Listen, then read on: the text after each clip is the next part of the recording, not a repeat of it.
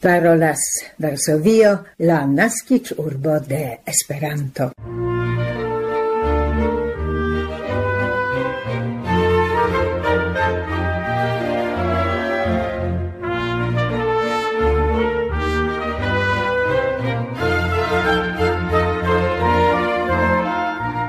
Saluton, carei auscultantoi en la Lauvica Esperanto programo el Varsovio por la 1223 el sendo la 30 de januaro 2023 invitas vin Barbara Pietrzak, Gabi Kosiarska, Krystyna Grochocka kaj Maciej Jaskot. Krome voce kontribuas de nove Rico Giacometto.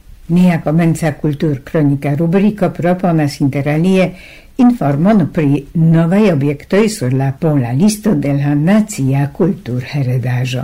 En la felietono pri Koninda Polo ni proksimigas la silueton de Wojciech Kętrzyński, meritirinta patriota aganto de Mazurio en la nord-orienta Pollando. La Esperanto comunuma segmento enhavas interalie la informojn ligitain kun la nuniara cento ca uko en Torino, interalie alie pregia scienza programo. La elsendon komencas kultur-tema cronico.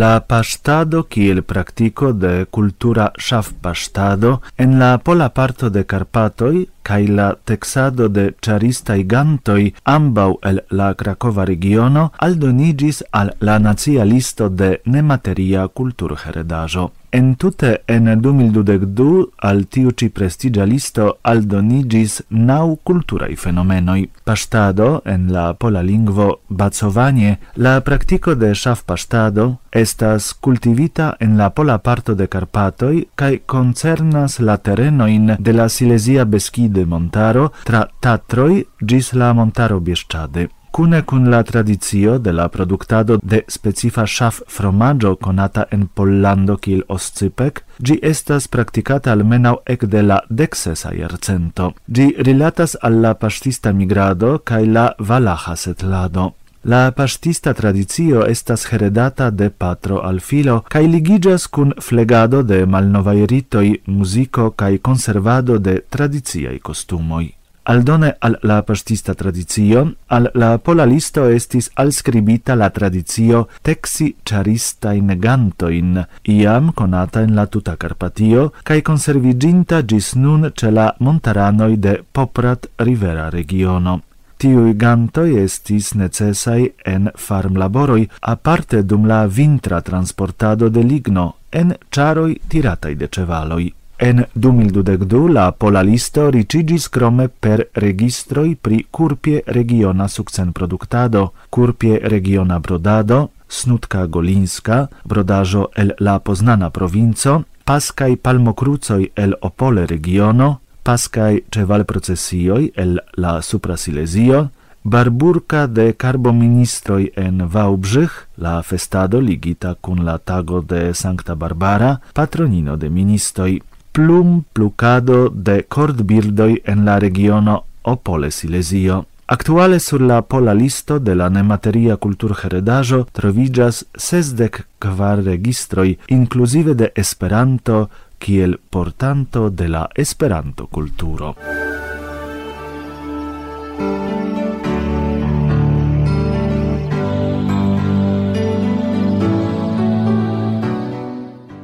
la loĝantoj kaj vizitantoj de Krakovo ĝis la mezo de aprilo povas konatiĝi kun la portempa ekspozicio en Wawel Kastelo, la ekspozicio titolita Jakob Mertens kaj la Krakova Pentro Arto circa 1600 prezentas pli ol tridek pentraĵojn, desegnaĵojn kaj skulptaĵojn de la antwerpena pentristo, setliĝinta en Krakovo temas pri verkoj apartaj, kvankam malmulte konataj kaj plej ofte neprezentataj en muzeoj. Ili samtempe rejefingas la trairadon de nederlandaj influoj al deksep jarcenta Pollando. Al la exponajoi apartenas neprezentatai gis nun tiei tolaĵoj kiel la lasta manĝo el la Krakova pregeio de Sanctai Petro kaj Paolo, di patrino cun la infaneto cae la sanctai Johano Baptisto cae Johano Evangelisto el Wawel Catedralo, visio de Sancta Jadwiga antau la Crucifixo, el la Krakova pregeio de Sancta Cruzo. En la ekspozicio estas presentatai du grandai politicai tabuloi en nederlanda stilo el la Maria Pregeio en Krakovo kai el la Dominicana Pregeio de Sankta Jacobo el Sandomir. Jakob Mertens estis filo de Peter Mertens kai kai Katalin von Schor kai la metion lernis ce Hubert Bruchmann. Ne estas konata dato kiam li forlasis Antwerpenon. Lian konstantan setligion en Krakovo konfirmas la dato kiam li membriĝis en pentrista gildo, kio okazis na 23 de oktobro 1589. En Krakovo li ankaŭ mortis en 1609 jaro.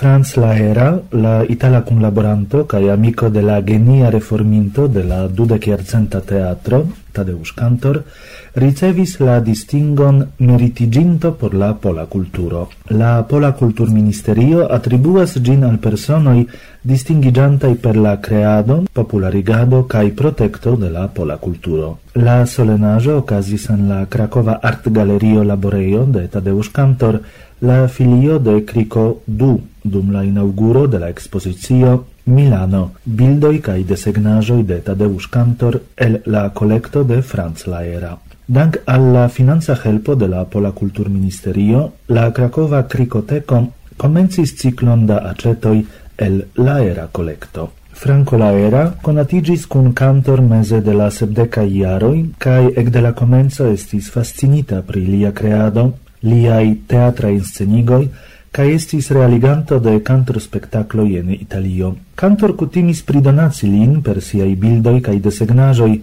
ciam kiam la era vizitis Krakovon au por la fino de internaziai turneoi de la teatro Kriko du. Tadeusz Kantor estis teatra regisoro kaj scenografo, pentristo, ofte presentigianta en siai spectacloi, difinata la reforminto de la dudeciercenta teatro.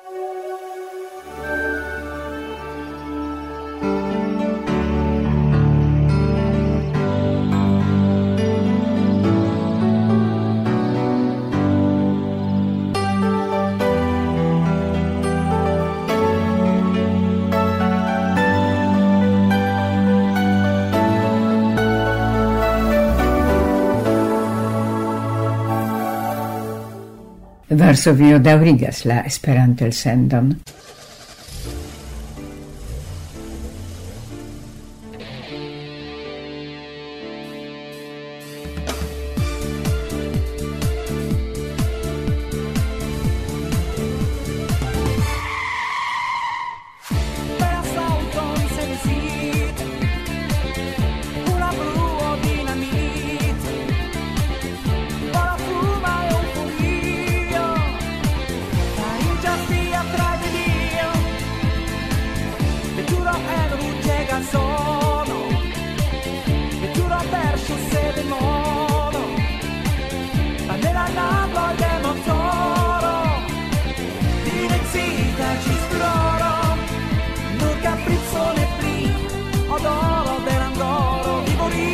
sensații, provoca, cheese, fata la hot.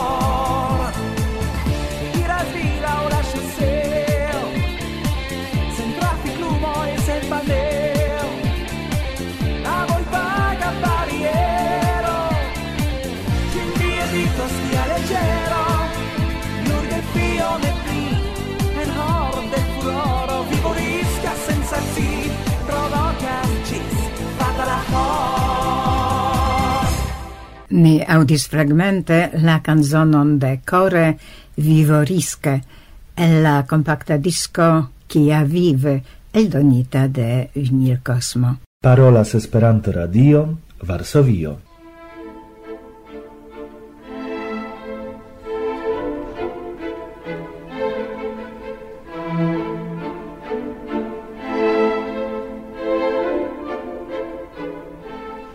Numiere en Pollando jarkomence aparte estis kaj estas solenata la centdecada treveno de la explodo de la januara insurrectio kio okazis la dudekduan de januaro. Estis organizitei por ocasei konferencoj, ekspozicioj, flor ornamado de locoi ligitei kun la bataloj, memorigo de elstare insurgentoi.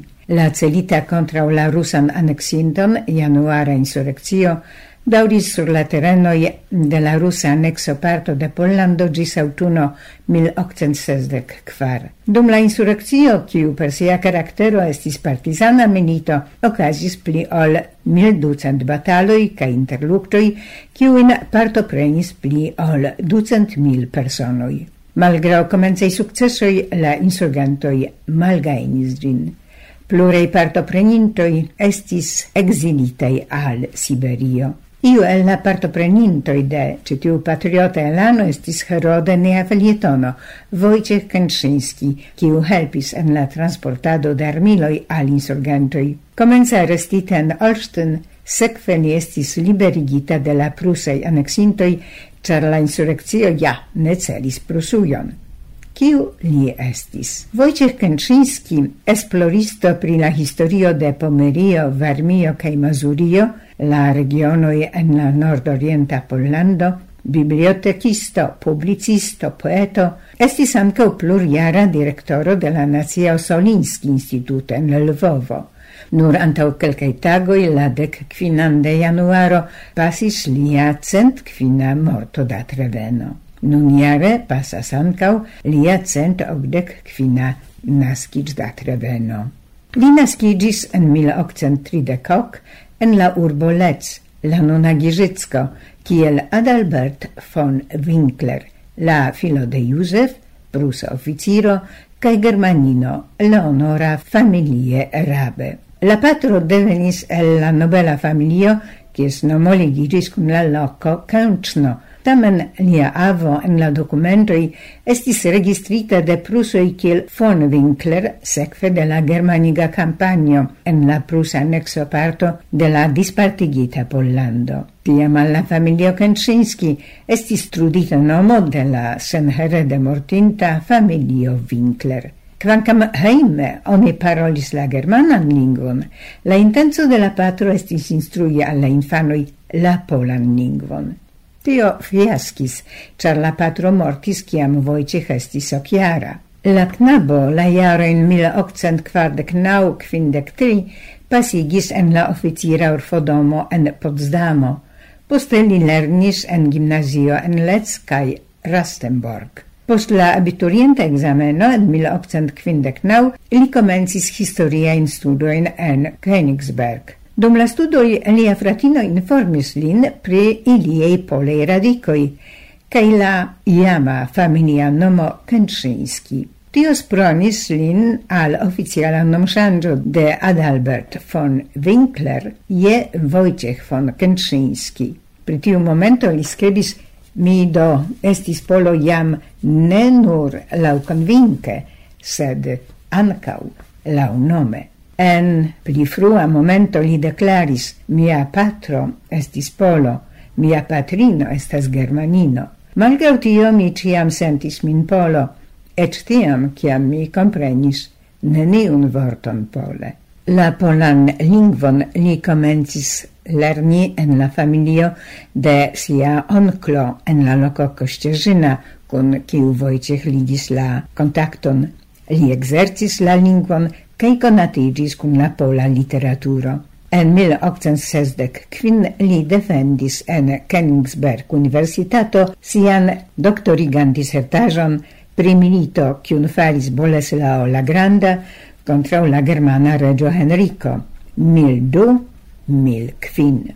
En 1871 Kętrzyński establis secretan societon de Mazuria Popola Intelligentularo. Gi transformigis poste en comitaton por porti helpon al Mazuri logiantoi, cae fine en centran comitaton por Mazurio, Silesio cae Pomerio.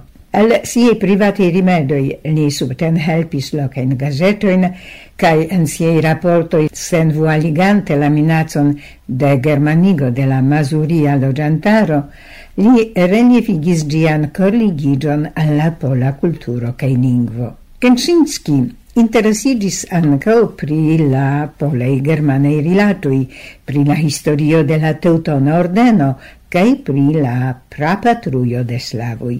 Li publikigis pli ol ducent vercoin, disertaciojn kaj articoloin. Liei laboraĵoj estis interalie dediĉitaj al la problemoj de la pola nazio cae polei nomoi de locoi en la occidenta cae orienta Prusio cae Pomerio. Tiu verco ebligis post la milito kelkfoje kiel unu sola fonto revenigi la originain polein nomoin de la regiono cae giei locoi post ilia germanigo. Base de sia esplor documentado li definis la genealogion de la germanigitei mazuroi kaj casuboi. Lia laboro pri pomeriei archivajoi fructis per materialo por la libro pri la pola logiantaro en Prusio, iam teutona, kiu aperis en 1882. En gi li pruvis la falsadon de documentoi fare de teutonoi, cio ebligis al ili krei siajn administrajn sur la polai territorioi.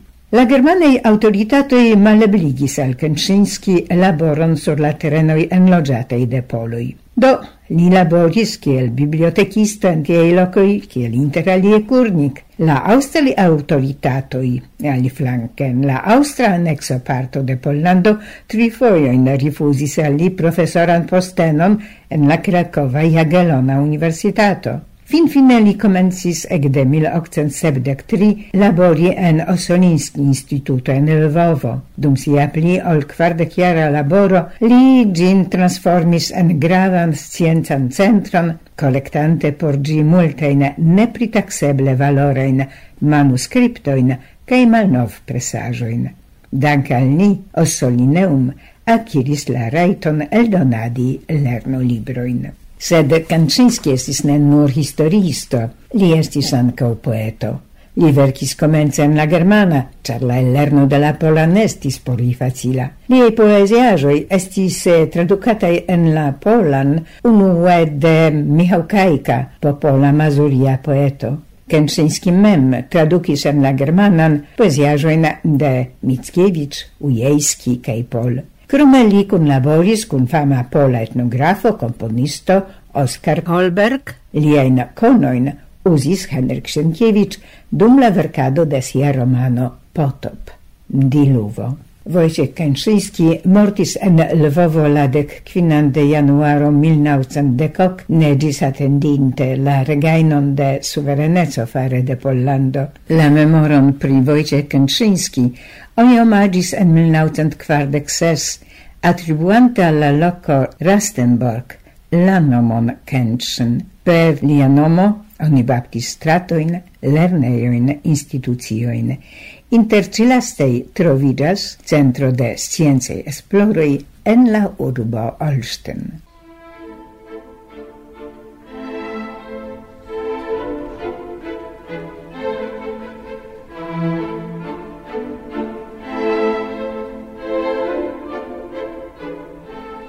Parolas Varsovio, la naskic urbo de Esperanto.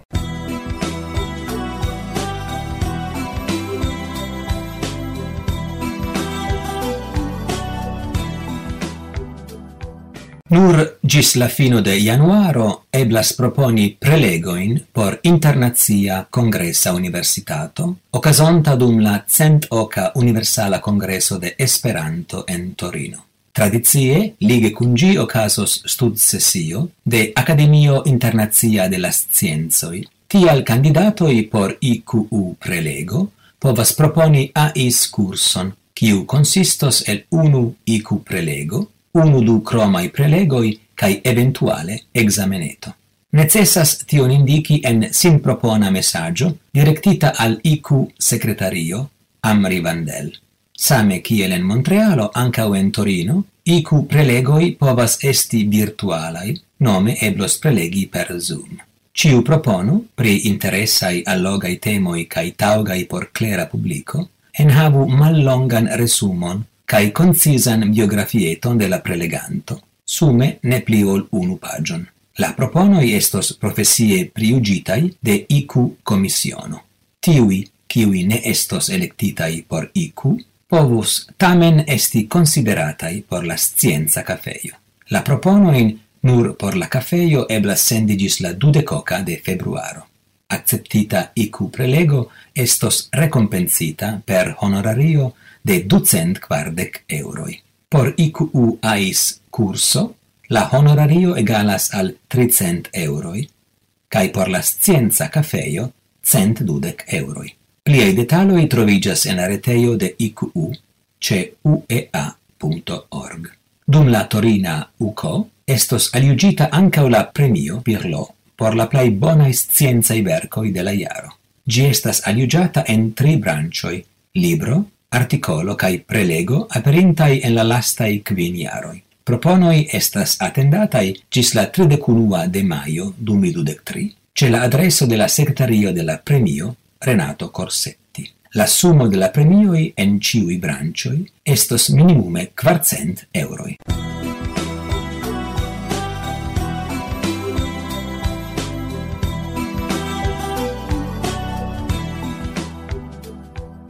Gis la decnaua de februaro eblas annonci sin per la adreso mallonge.net streco volontuloi 2023 kiel volontulo por la cent oka Universala Kongreso de Esperanto en Torino. De la kandidatoj oni atendas pretecon ricevi kaj realigi kongres rilatajn taskojn antaŭ, dum kaj post la kongreso. En la pasintaj kongresoj volontuloj helpis ĉefe pri fotado, filmado, helpo teknika kaj kunordiga en prelegejoj kaj en la libroservo de UEA. En la formularo estas la eblo prezenti en kiu tasko aŭ kiuj taskoj oni preferas helpi. La taskoj povas esti tre variaj. Personoj el iu ajn lando, kiu deziras volontuli kaj bezonas subtenan helpon, povas candidatigi por subvencio de la fondajo Partoprenu Ukon. Pere de gi UEA havas la eblon subteni cefe la aliĝkotizon de kelkaj kongresanoj, en kelkaj kazoj ankaŭ la manĝo kaj loĝkostojn preferinde en la plej malaltaj kategorioj kaj en la esteptaj kazoj la vojaĝkostojn. La sekva favor preza aliĝperiodo al la Torina Uko daŭras ĝis la 31 de marto.